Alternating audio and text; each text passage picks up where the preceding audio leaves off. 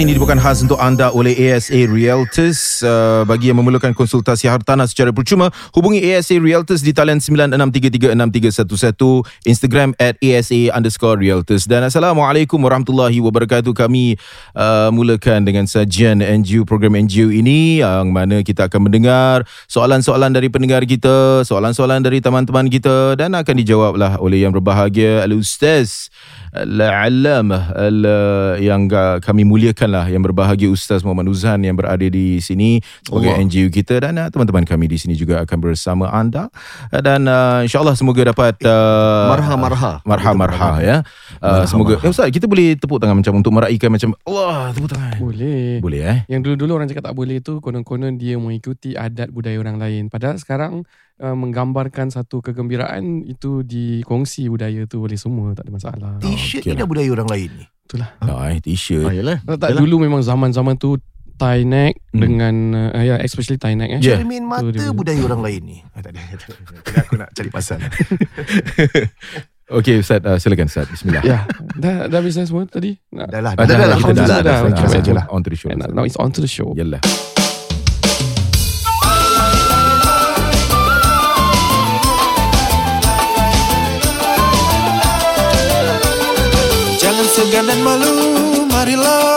Marilah mendengar NGU Ajak kawan-kawanmu Menjadi pendengar berilmu.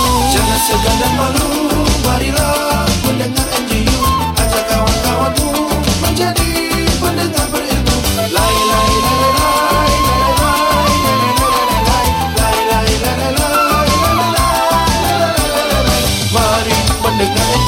baru-baru ini um, terdapat sebuah dapatan hmm. dan juga satu investigation yang dilakukan oleh BBC terhadap uh, TikTok yang mana ketika pelarian-pelarian di uh, pelarian-pelarian Syria sebenarnya hmm. uh, melakukan TikTok untuk mendapatkan dana mendapatkan sedekah menerusi TikTok gifts hmm. ataupun uh, coins uh, yeah. TikTok mengambil 70% daripada um, dapatan yang telah pun uh, diperuntukkan. Banyak eh. Jadi orang hmm. berikan uh, hadiah kepada orang yang mengemis di TikTok. Hmm. TikTok mengambil 70% uh, daripada hasil uh, daripada pungutan um, sedekah Dana. tersebut. Uh. Jadi bagi mereka yang bekerja di TikTok, adakah gaji mereka halal ataupun haram Ustaz? Baik. Uh, 70% tu diketahui atau tidak? sudah sebelum, diketahui sebelum sekarang sudah diketahui sebelum mereka dah diketahui menderma sekarang sebelum mereka menderma sebelum mereka menderma sebelum mereka menderma adakah TikTok beritahu bahawa 70% tu mereka akan perolehi ataupun penderma tidak ada bayangan pun terhadap perkara saya tersebut? tak ada bayangan. Saya baru saja memberikan seekor kucing kepada Rachel menerusi TikTok. Hmm. kau kasih Rachel kucing? Habis dia live masa tu. Oh, oh. Dahsyat, dahsyat. Hmm. ya tapi at that point of time orang Banyak tak tahu. TikTok akan ambil kan? Ah saya tak tahu. Okay. Hmm. So begini, kita tak boleh katakan uh, secara mutlak halal atau haram kerana hmm. sumber pendapatan daripada orang yang bekerja TikTok bukan hanya pada satu peristiwa tersebut. Dia ada sumber-sumber yang lain bukan hanya daripada derma sumber itu. jabatan lah maksudnya. So, uh, so TikTok ataupun mana-mana company hmm. pun dia doesn't only run uh, salah satu sumber pendapatan dia itu saja. Itu salah satu case daripada banyak-banyak kes. Kita Baik. kena kaji syarikat tu sendiri. Bagaimana sumber pendapatan dia secara majority ataupun the main business of the company lah. Ya. Pendapatan daripada penjawat awam mendapat hmm. uh, daripada peruntukan yang diberikan oleh government ataupun pemerintah. Hmm. Uh, dan pemerintah pastinya mendapat uh, pulangan berbentuk hmm. uh, GDP. Hmm. Uh, contohnya kalau di Singapura antaranya hmm. adalah kasino dan juga hmm. seumpamanya. Adakah gaji mereka halal ataupun haram. Oh ya, sama right. seperti yang tadi. So bila mana kita cakap pasal majlis awam, mm. to run a country dalam Islam kita dibenarkan untuk mengambil tax. Mm-hmm. Kerana untuk you run a country, you need to build infrastructure. Yep. You need to build jalan raya. You need to build hospitals. You need to build schools. So daripada orang-orang punya tax, income tax baik, you ada GST tax dan sebagainya. Mm. Dan termasuk orang-orang yang membayar tax-tax ni seperti kasino. Mm. Ya, dan apa yang mereka, bukan hanya kasino sajalah yang kena bayar tax seperti ini. Jadi daripada semua ini, pendapatan yang dikumpulkan akan digunakan untuk membuat dan membiayai negara itu sendiri. Mm. Kan, pertama. Yeah daripada pembiayaan negara tu barulah ada bajet-bajet yang diallocate kepada penjawat-penjawat uh, kerajaan. Hmm. Jadi sekali lagi dia bukan satu dua kes yang tertentu untuk kita nak menyatakan halal atau haram sumber seseorang. Hmm. Uh, macam TikTok make case, macam kita kata orang yang bekerja sebagai uh, penjawat uh, awam. Tetapi the whole business itself, kalau the whole business itu haram, baru kita boleh menyatakan haram. And and main kalau dalam dunia zaman sekarang, kalau dia ada kasih leeway beberapa peratusan untuk beberapa perkara seperti uh, penggunaan riba, seperti ada benda-benda yang haram yang terpaksa mereka lakukan. Hmm. Kalau mereka tak lakukan, they cannot run a country at Hmm. all. Hmm. They cannot be in a apa apa in a in investment at all. Itu uh, majma' ulama dunia ada dah berikan beberapa peratusan. Kerana kalau orang umat Islam tak buat macam tu, sampai bila pun mereka tidak akan boleh bekerja, berkejaya maupun dia tidak boleh own something dan itu akhirnya kalau dia tak own something orang lain yang own lah. akan sukar untuk uh, undang-undang ataupun uh, dari segi piawaian dan segi apa uh, polisi-polisi yang akan lebih memun, uh, menguntungkan umat Islam. Pasal you don't own, you are not there. You Hmm. tak integrate at all. Lagi jauh and akan lagi susah untuk umat Islam bekerja dan tinggal di situ. Pasal you dah dismantle yourself kat situ. You dah jauhkan diri you. Cakap haram-haram. You one corner, ni one corner. Sampai bila-bila pun orang punya company buat, orang dah tak fikir you pun. Pasal you are not there.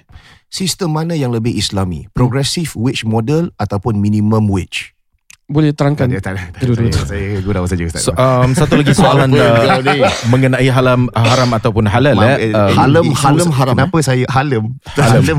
Kenapa Halem saya tanya saja Ya. je saya tanya sebab bukan Oh. apa. Hmm. Uh, kadang-kadang orang mempertikaikan sumber rezeki kami ni halal ataupun haram. Oh. Saja aku nak kasih balik. Uh, okay, apa saja tadi? uh, Ya, jadi okay, sambungan juga. eh sambungan daripada soalan-soalan daripada Zah tadi eh uh, Oh. seorang pak cik bekerja di Gatri uh, dia dia tidak dia tid, uh, dalam uh, dalam se- sebulan tu dia banyak tidur dan dapat gaji adalah gaji dia haram ataupun halal Ustaz Macam mana? dia kira tak kerja dia asyik tidur je macam mana kira maksudnya eh, kalau macam okay Ustaz jangan panik Ustaz sekejap Ini soalan maaf tengah tengah jawab. Oh, okay tak tadi halal tu. Dah, tak adalah maksudnya macam dalam tadi uh, Zara kasih macam soalan Mm-mm. uh, yang lebih yang lebih uh, dynamic eh soalan-soalan dia. Tapi ni soalan yang lebih um, uh, bersifat uh, social. Ah. Maksudnya orang bekerja tapi Alamak. dalam segi kerja tu dia macam tak, banyak tidur, banyak tak tak tak uh, bertanggungjawab Kira curi tulang segi lah. Curi tulang lah. Curi tulang. Jadi orang yang curi tulang tu macam mana gaji dia tu? Nah, kalau memang majikan dia Hmm. telah meletakkan syarat kan sebelum dia masuk ada clause-clause kan. Ya saya. Ah, dalam clause tersebut kalau dia cuma cakap okay you kerja pukul berapa pukul berapa dia tak cakap tak boleh tidur. Hmm. Dia tak cakap uh, specifications kan. Hmm. Oh. Ah, itu kita tak boleh terus katakan haram tapi tentu kita nak cari keberkatan.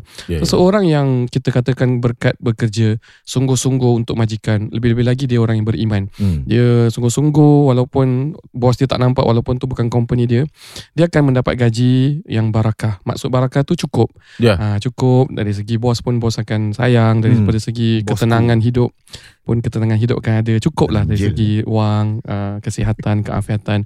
Jadi itu yang kita nak cuba strive lah. Tapi kalau orang kata haram, kita tak boleh terus cakap haram. Jangan Kau asyik boleh, kerja je, kau asyik kerja asyik tidur, kau asyik kerja kau lambat. Kau pengen gaji ni, haram kau tu tak? Tak boleh. Hmm, ada yang macam itu tak? Ah, tak boleh. Ya. Melainkan seorang- memang clause tu cakap kau tak boleh lambat berapa kali tapi kau tetap lambat. Ah, Kalau tugas seorang pakcik tu adalah untuk mengangkat barang menggunakan forklift hmm.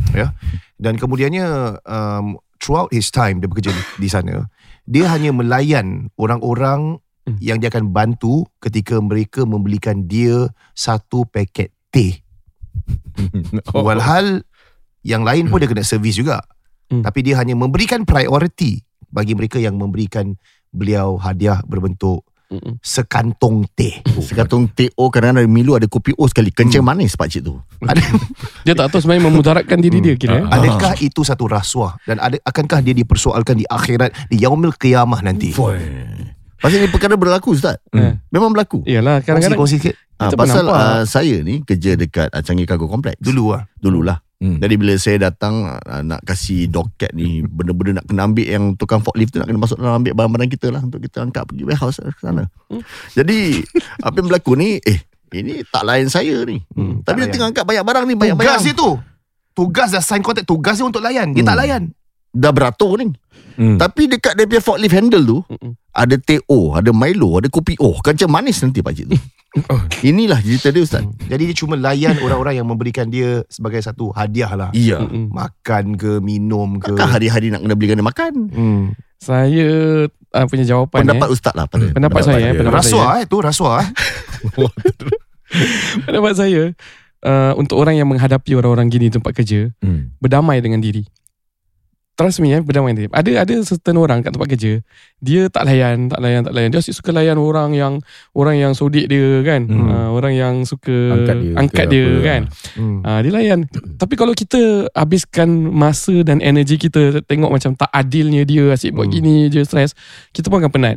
Selama mana dia tak mengganggu gugat pekerjaan kita, kita Hmm. teruskan je pekerjaan kita. Itu itu untuk kita kata coping mechanism kita lah. Ya. Jangan heran lah dengan pakcik tu sangat lah contoh. Ah. Tapi dari segi adil, Allah sebut dalam Al-Quran, la yajrimannakum syana'anu qaumin ala alla ta'dilu. I'dilu huwa aqrabu littaqwa. Maknanya janganlah sampai sesuatu perbuatan orang yang menyakitimu menghalang kau untuk tak berlaku adil pada diri mereka. Maknanya Allah kasih contoh yang ekstrim.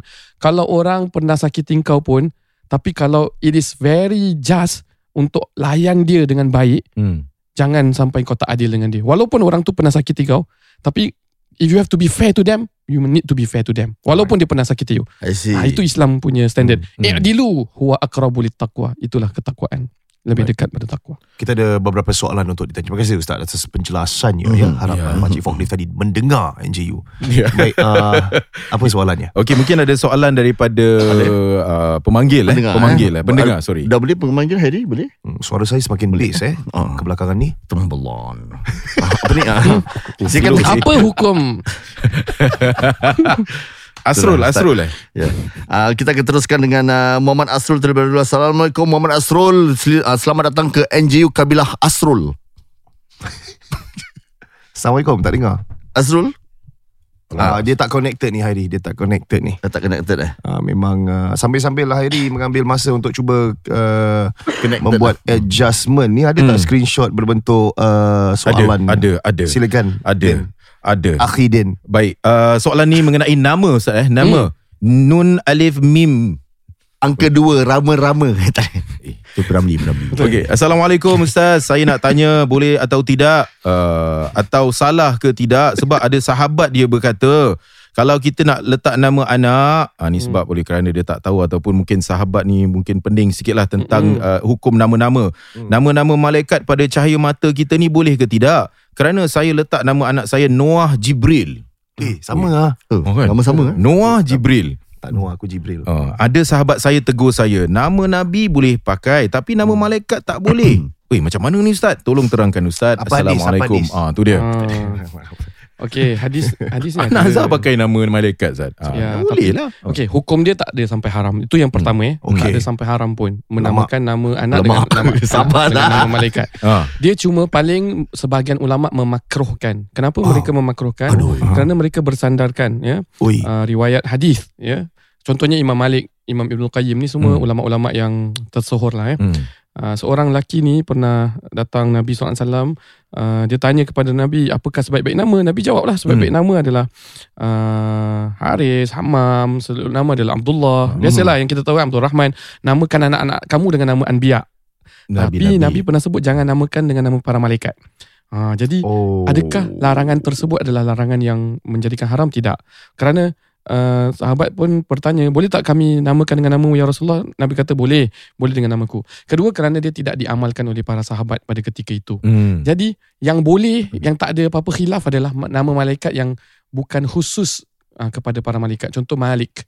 Malik Ridwan ini semua nama malaikat yang Ya. menjaga pintu Syurga. syurga, pintu Hmm. neraka. Hmm. Ya. Uh, tapi juga nama ini dikongsi uh, adalah sifat Allah Al-Malik. Eh? Hmm. Uh, Ridwan adalah contohnya uh, nama-nama yang Malik membawa awak, maksud redha. Oh, Oh, tu kira dia eh tapi hari tu I main bola dengan dia. Ah, bagus. Bukan bagus lagi. Dia Ah. dia passing konsisten. Hmm. Oh. Walaupun dah umur gitu, 8 kali, 8 kali macam gitu. Dia orang lama Ustaz. Oh, tapi, Ya, Kaki bukit punya time. Hmm. ah, tapi betul lah, dia orang suka cerita gitu lah. Tapi nama dia macam mana tu? Manap Ah, Hamad. awak ke yang mana? Malik, Malik, Ridwan Okay, ni Malik Ridwan semua ah? tak ada masalah. Tak ada masalah. Yang dimakruhkan para Uish. ulama adalah yang khusus kepada malaikat-malaikat dan tugasan-tugasan. Ya. Tapi patah balik kepada Hmm. hukum Adakah ini uh, haram? Dia tidak haram. Sebahagian ulama memakruhkan, sebahagian ulama mengharuskan. Maknanya jawaz. Boleh. Ah, jaiz. Boleh. Sebenarnya saya tahu tapi saya saya rebel ustaz. Oh. and and everyone when Makro. dia, dia, dia name their child kan mesti ada sebab Yalah, Ah, yalah. asalkan asalkan sebenarnya kita nak cakap pasal nama ni walaupun as far as hukum is concerned tapi kita pun nak tahu apa yang really ada makna pada hidup kita pada Ya, diri ya, dia ya, kan so Ya. tak apa asalkan tak haram lah Oh. My child my choice. ya Tak apa. Waalaikumsalam Waalaikumsalam. Dah okey okey, eh? Ha, boleh boleh dah okey dah. Cik Muhammad. Cik Muhammad silakan Cik Muhammad. Buat panggilan di mana ni? Cik Muhammad.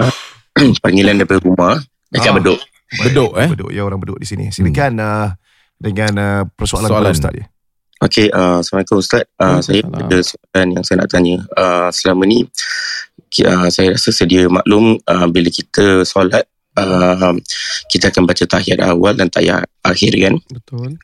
Jadi um, Saya nak nak fahamkan um, Bagaimana uh, tahiyat awal dan tahiyat akhir ni Boleh tercetus dalam solat kita. Bagaimana kita How do we Macam the history of it Where does it come from? Mm-mm. how does it come from and what is the meaning behind it exactly lah. I want to like Mm. want to go deep into it. So uh, because pada pendapat saya saya tak tahu whether this is right atau wrong but I just felt that, that kalau kita faham dalam setiap perkara atau hukum yang kita buat dalam solat kita dia akan membantu kita untuk lebih khusyuk untuk uh, solat Okay. jadi saya nak tahu uh, apakah history behind tahiyat akhir dan tahiyat awal, uh, Baik. awal. Terima kasih Asrul. sama-sama ya. It's really interesting. The Interesting. for the moves that we do waktu solat ni Hmm. uh, ada kalanya kita terfikir eh macam mana pula Hmm. Nabi boleh suruh kita buat macam ni eh Mm-mm. apa uh, orang kata tu di sebalik uh, Mm. these movements ada tak sejarahnya dan sebagainya. baik baik Macam mana ustaz? Silakan. Bagus. Salah satu pendekatan untuk kita lebih hargai solat bukan Hmm. hanya bab hukum, bukan hanya memahami makna-makna kan, tapi memahami bagaimana uh, sejarah sembahyang itu sendiri. Hmm. Dan Nabi kita bersabda sallu kama raaitumuni usalli, sembahyang seperti mana kamu melihat aku sembahyang. Maknanya Rasulullah sallallahu alaihi wasallam pun diajar Amin. oleh Ya Sayyidina. Jibril dalam sebahagian riwayat eh diperbetulkan. Dan yang paling utama kalau nak jawab soalan ini, dia lebih tertumpu kepada peristiwa Isra dan Mi'raj. Eh, Okey. tahiyat awal dan tahiyat akhir ataupun kita cakap tahiyat dululah. Tahiyat tu maknanya ucapan ataupun uh, greetings, greetings. Hmm, hmm. Jadi bila makna Rasul sallallahu alaihi wasallam ke Sidratul Muntaha ataupun bertemu Allah berbicara dengan Allah Subhanahu wa taala. Jadi Nabi SAW Nabi sallallahu alaihi wasallam sebut at-tahiyatul mubarakatus salawatut tayyibatu lillah. Nabi tak cakap assalamualaikum wahai Tuhan. Ha, macam Oh, okay. So macam kita kalau jumpa you kan, Hmm. Assalamualaikum warahmatullahi Semoga sejahtera kepada Ya, dirimu ya. Kerana sejahtera Allah sumber sejahtera Allah tak perlukan peace. Allah sumber sejahtera Kita Sumber tak boleh cakap sejahtera. sejahtera atasmu Tidak Ya, boleh ya, ya, ya. Kerana Sayyidatina Khadijah pun bila disampaikan salam oleh Allah, Hmm. dia tak jawab wa alaihi wa alaihi alaihi alaihi Allah salam alaihi Allah salam dia tak cakap. Dia cuma cakap innallaha huwa salam. Sesungguhnya Allah dialah sumber sejahtera dan dialah maha sejahtera. Jadi how do you greet Allah Subhanahu wa taala? Hmm, hmm. So Nabi sallallahu alaihi wasallam greet Allah Subhanahu wa taala dengan perkataan at-tahiyatul mubarakatus salawatut tayyibatu lillah.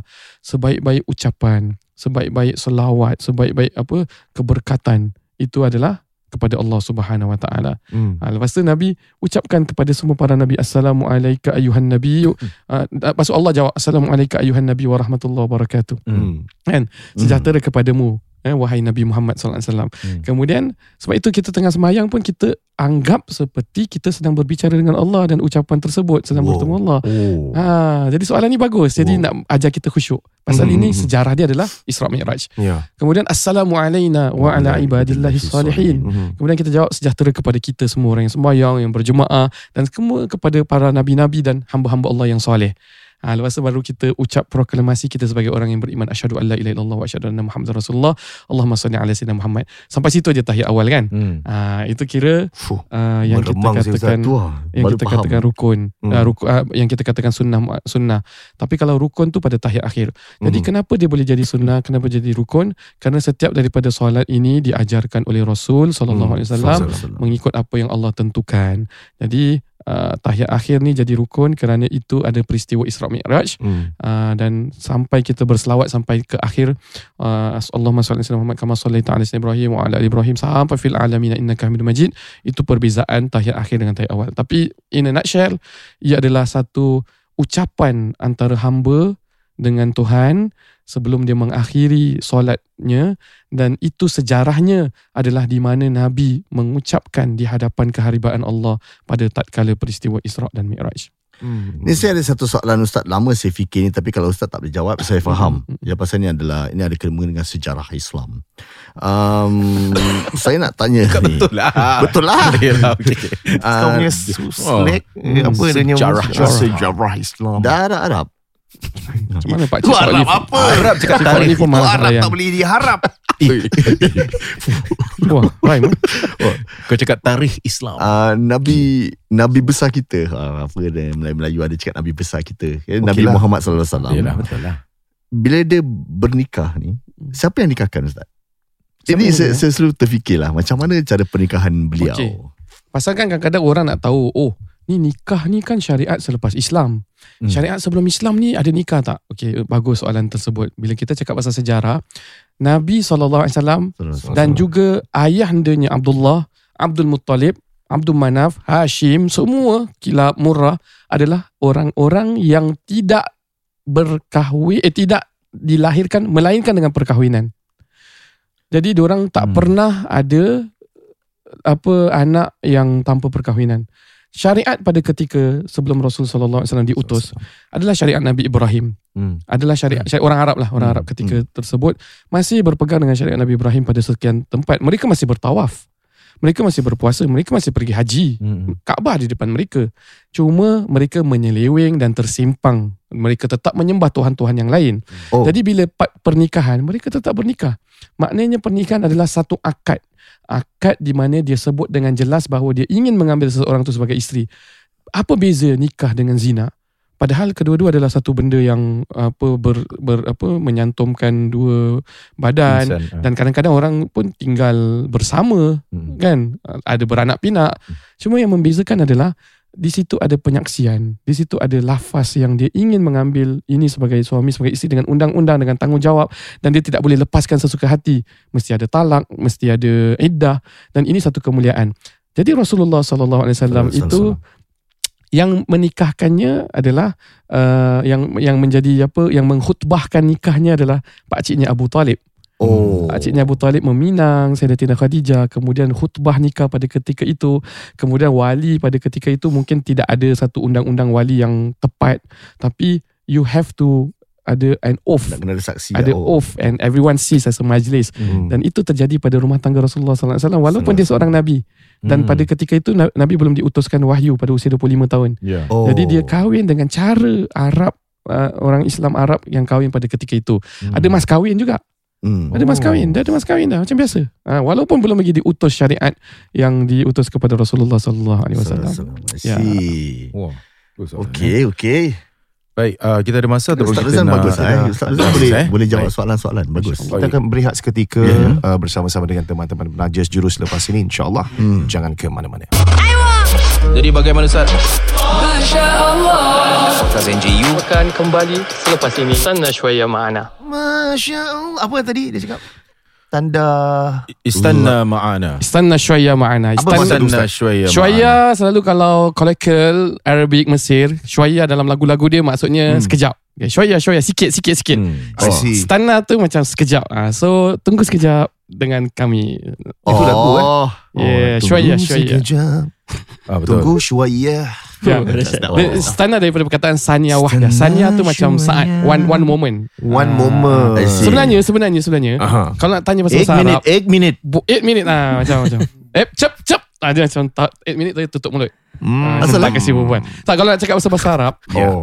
Tak selalu eight minit macam dia macam dalam Dia cerita. Oh, ya. Dalam cerita ni 8 minit lepas tu terus orang pegang tangan dia uh, Tengah mulut Kalau nak cakap pasal bahasa Arab Tanya ni eh, Ejen Syahid ni Dia kalau dalam ilmu bahasa Arab Dia mudaris Linguis eh? Linguist He, uh, he took that Ya he, when he was in his Egypt days uh, Dan dalam masa sama dia ada Ada, ada juga Bahasa Arab punya berbual Arab dengan Din? Hmm. Tak boleh aku dah. Aku dah. Boleh Din. That time kau berbual style juga bro. Dia nak buat show lagi. Famsa. Famsa. Aku boleh. Dia baru buat show masjid. Oh ya, ada ada orang inquire aku dia tanya nak nak suruh contact kau pasal ada satu masjid yang dia nak kau MC tak silap aku. Oh, Saya baru reject satu, reject satu show masjid. Kenapa? Sebab saya nak tengok Noah Dekat uh, KL Show kita lah tu Oh yang kita Ya. Ya. Baik, podcast ni dibuatkan khas kepada anda oleh teman-teman kami di ASA Realtors. Hmm. Bagi mereka yang memerlukan konsultasi hartanah secara percuma, hubungi ASA Realtors di talian ini. 9633-631-9633 Ui. 6311 Tabata. Oh kira tak pelat dia Ah, eh Ya, ya, ya. Um, Nombor je tak pelat. Dan boleh ikuti Instagram mereka ASA underscore Realtors. Realtors, Ya. So nanti kita bersama dengan uh, yang berbagai Ustaz Muzan, Ya. uh, Ejen Syahid dan Ya. juga Tuti the Million Dollar Round Table. Eh, tak, itu, itu, salah. Itu salah. lain- Itu lain industri, lain industri. Ya. Apa apa Tuti? Apa award? Datang Tuti? Apa award? The Diamond Award. Diamond. Diamond The Award. Diamond Award. Diamond. Yeah. Yes. Diamond Award. Yes. So um, sekarang kita nak bincang lah tentang Okay. uh, pembelian rumah. Pasal you know young couples ni yang dah book BTO ni nak tunggu lama. Mhm. Hmm. So ada masalah dengan mak bapak diorang dah jadi gaduh. Hmm, Dia betul, one betul. of the problem lah. Okay. Ah, dah- 95% Ya, akan 95% ada eh. masalah. And it's happening. It's happening. Hmm. Jadi diorang decided to buy resale. Okay. Okay, first of all mungkin boleh kasih um, nasihat ataupun advice tentang macam mana dia want to stop their BTO. Yang pertama, Mhm. okay, boleh tak tarik balik BTO mereka pasal dia nak beli resale. Okay. Dan bila dia nak beli resale ni apa yang dia nak kena ada ni? Nak kena sediakan apa ni? Hmm. Dia bukan macam pergi pasar beli ikan. kan betul tak? Betul, Ah, betul. Pergi pasar beli ikan bawa duit dah boleh beli ikan. Tapi di rumah ni tak boleh pergi rumah orang ketuk hello auntie you want to sell I buy your house now. Tak boleh. ah, jadi apa Betul. yang nak kena ah, mereka sediakan? Cool. Okay. Tu satu soalan yang betul-betul punya kira real life story eh. Yes. Uh, real life story in terms of experience and everything. Yeah. So I think first thing first orang kena faham eh bila nak beli rumah tu satu benda yang mahal. Mungkin benda yang termahal yang kita beli dalam kehidupan kita. Unless kita ada Ferrari lah. Uh, mungkin, Ah, mungkin. Ferrari, Ferrari lagi mahal lah daripada Mungkin. HGB lah. Ya. Okay. Itu pun tengok eh first hand ke second hand. Okay. okay. Oh. So uh, Okay uh, Then okay. talking about uh, Pembelian rumah So hmm. orang selalu uh, Akan bezakan Antara BTO dan resale Hmm. That is a very Evergreen topik Yang takkan mati lah Okay. Uh, first time buyer jumpa je kita Eh mana bagus lah Nak beli BTO ke nak beli resale Okay. And I think dah ramai orang akan Talk about the pros and cons Of BTO and resale Basically tak ada Perfect housing Yeah. Semua ada pros and cons Yang kita nak kena weigh down lah Yeah. Right, but tadi coming back to your question kan, for example orang tu dah book BTO tapi dia nak cancel off because of certain reasons. Yeah. Uh, we had assisted a few clients macam gitu, uh, especially during COVID times lah. Oh, Okay. Ah, uh, pasal bila COVID kan orang delay Ya. construction ada delay setahun, ada delay dua tahun, habis Yeah. dia punya whole timeline dah kacau lah. Hmm. We have clients yang the wife dah uh, pregnant, habis nak tunggu demi BTO siap dah tak boleh tunggu. Oh. Yeah. Uh, so they need to pull out from the BTO application but that one is considered an appeal case lah. Kira uh, government kasih that flexibility Hmm. for you to pull out and then they return back all the deposits lah. Oh, dapat balik ah. Oh. Kau balik But have to write in first I uh, Dia macam tak boleh pandai-pandai Cancel sendiri Lepas tu tak cakap apa-apa Yeah. And then kita ingat Oh ni uh, government kata boleh uh, Tapi nak kena buat dia punya uh, Letter dulu lah Kena Because kalau, dulu. kalau ada commit BTO ada se, uh, macam a portion of the CPF dah potong kan Betul, untuk deposit betul. kan. Ah, So that deposit. CPF let's say kalau um, dia tak appeal contoh Hmm, then dia just forgo the CPF tak apalah biar burn burn lah. Hmm. Pun boleh proceed kan. Boleh Boleh Tapi I kira see. burn sayang lah Kita kalau boleh Kita nak savekan Kita punya clients punya Every single cent lah Oh so you can Yeah. do that. You guys can appeal. Yeah, we oh, that's appeal. ASA underscore realtors. Kena jual sekali lah kena brand. Yeah, yeah. Thank you. Jadi Yeah. kalau nak, nak beli resale ni kena macam apa yang mereka harus sediakan? Okay, okay. Uh, Itu memang Betul, sudah betul. semestinya eh. Ya, betul. Okay, kita tanya Tuti Apa Tuti? Ah, Tuti, yang nak sediakan sebelum beli rumah resale. Hmm. Okay, right. Um, first and foremost, definitely is the loan, right? So Mm, you have two options. It's uh, always the HLE, which is the HDB loan, and of course, uh, IPA will be for bank loan. Okay. So take into consideration um, how much you can loan first, and then of course how much OA you have in um, well ordinary in your ordinary account for Okay. your CPF, right? That's quite standard, and of course the grants. Some of our um, clients do not know what kind of grants they're actually eligible for, you know. And then when it comes to like um, tricky issues like uh, EHG, which is enhanced housing grant, Yeah. they have like some of them are like you know self-employed some of them um you know they have a fixed income so that also varies accordingly you know sometimes they just need your three months they, they need your six months right? So and then that's where we have to know the budget of what we're gonna look at for our purchase correct so thereafter uh, definitely macam what we where we're going to right now is uh, what kind of units they're eligible for. So some of them are going for older units, then that will be uh, prorated for your uh, for your CPF. You know, Yeah. this, like the last episode that we did. Yeah, correct. So um, these are the things that you have to take into consideration before you enter into purchasing itself. So they have to be Yeah. realistic lah. For example, let's Correct. say CPF plus uh, loan that they receive like HLE, Yes. total about 400,000. So Mm-hmm. die-die they want to buy a forum in Bishan. Kalau tak cukup budget, tak boleh kan? Betul. Uh, some of them don't um don't take into consideration the punya buyer's stamp duty. There's a BSD. Oh yeah, yeah, yeah. Yeah, so you can't just like accumulate everything just like that. Mhm. You need to take into uh, consideration that there's a BSD applicable as well. So that's where we come in Oh, the stamp to do duty your and financial everything lah. calculations. Jadi you all yang boleh kasih uh, so-called uh, perfect amount lah. Agak-agak kira InsyaAllah. Yes. you all will count on a higher side lah untuk bayar kan? Macam Yeah. let's say berapa yang nak kena belanja, kau nak akan kira on a higher side.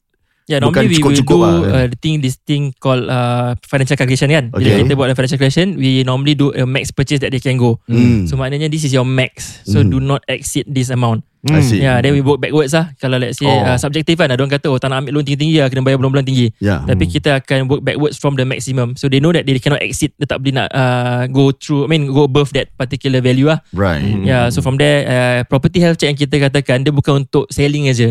So this one also considered a property health check but in terms of your buying ah. Oh, see. Yeah, so we do the calculation, tengok dia punya kiraan okay ke tak, dia punya tempat yang diorang nak tu, ada this kind of amount ke tak. Aha. So all this we will go through with them uh, from the consultation period lah. But I think today what we also want to share is about macam bila beli rumah tu kan, kadang-kadang orang main beli je. I mean personally also if I'm not in this industry, I think yalah kita tengok rumah tu cantik, Hmm. uh, then kita beli je. Without really thinking of a lot of other factors. But when we enter this industry, kita tengok eh dia bukan setakat tengok rumah tu lawa. Hmm. Of course kalau benda lawa memang best lah. Yeah. Tu nanti kita berbual pasal kalau nak jadi penjual lah eh. Tapi ni pembeli nak kena tengok rumah uh, how dia punya layout pun main peranan, mm tingkat berapa main peranan, jiran main peranan, dia punya direction main peranan. So dia banyak benda tau. Factors yang uh, play a lot of things uh, especially kita selalu advise klien bila nak beli rumah kan. Hmm. Dia bukan think fikir beli terus dah settle. Mungkin selalu orang kata tak apa tinggal lama-lama pun tak apa. Tapi you don't know in future in 5 years down the road mungkin ada perubahan mm uh, nak jual and everything. So we always tell them to get a unit yang ada potential resale value. Oh, seriously? You really advise your client like that? Yeah, we Because you know I I learn from my so-called uh, orang yang ajar Razi, you know, property ni. uh, uh, Ini rumah ni bukan kau nak tinggal. Bila diorang view, kau tengok rumah ni teruk. hmm. But diorang nak beli. Okay. Biar diorang beli. Oi. Hmm, diorang kan suka Uh-uh. nak beli rumah tu. Belilah.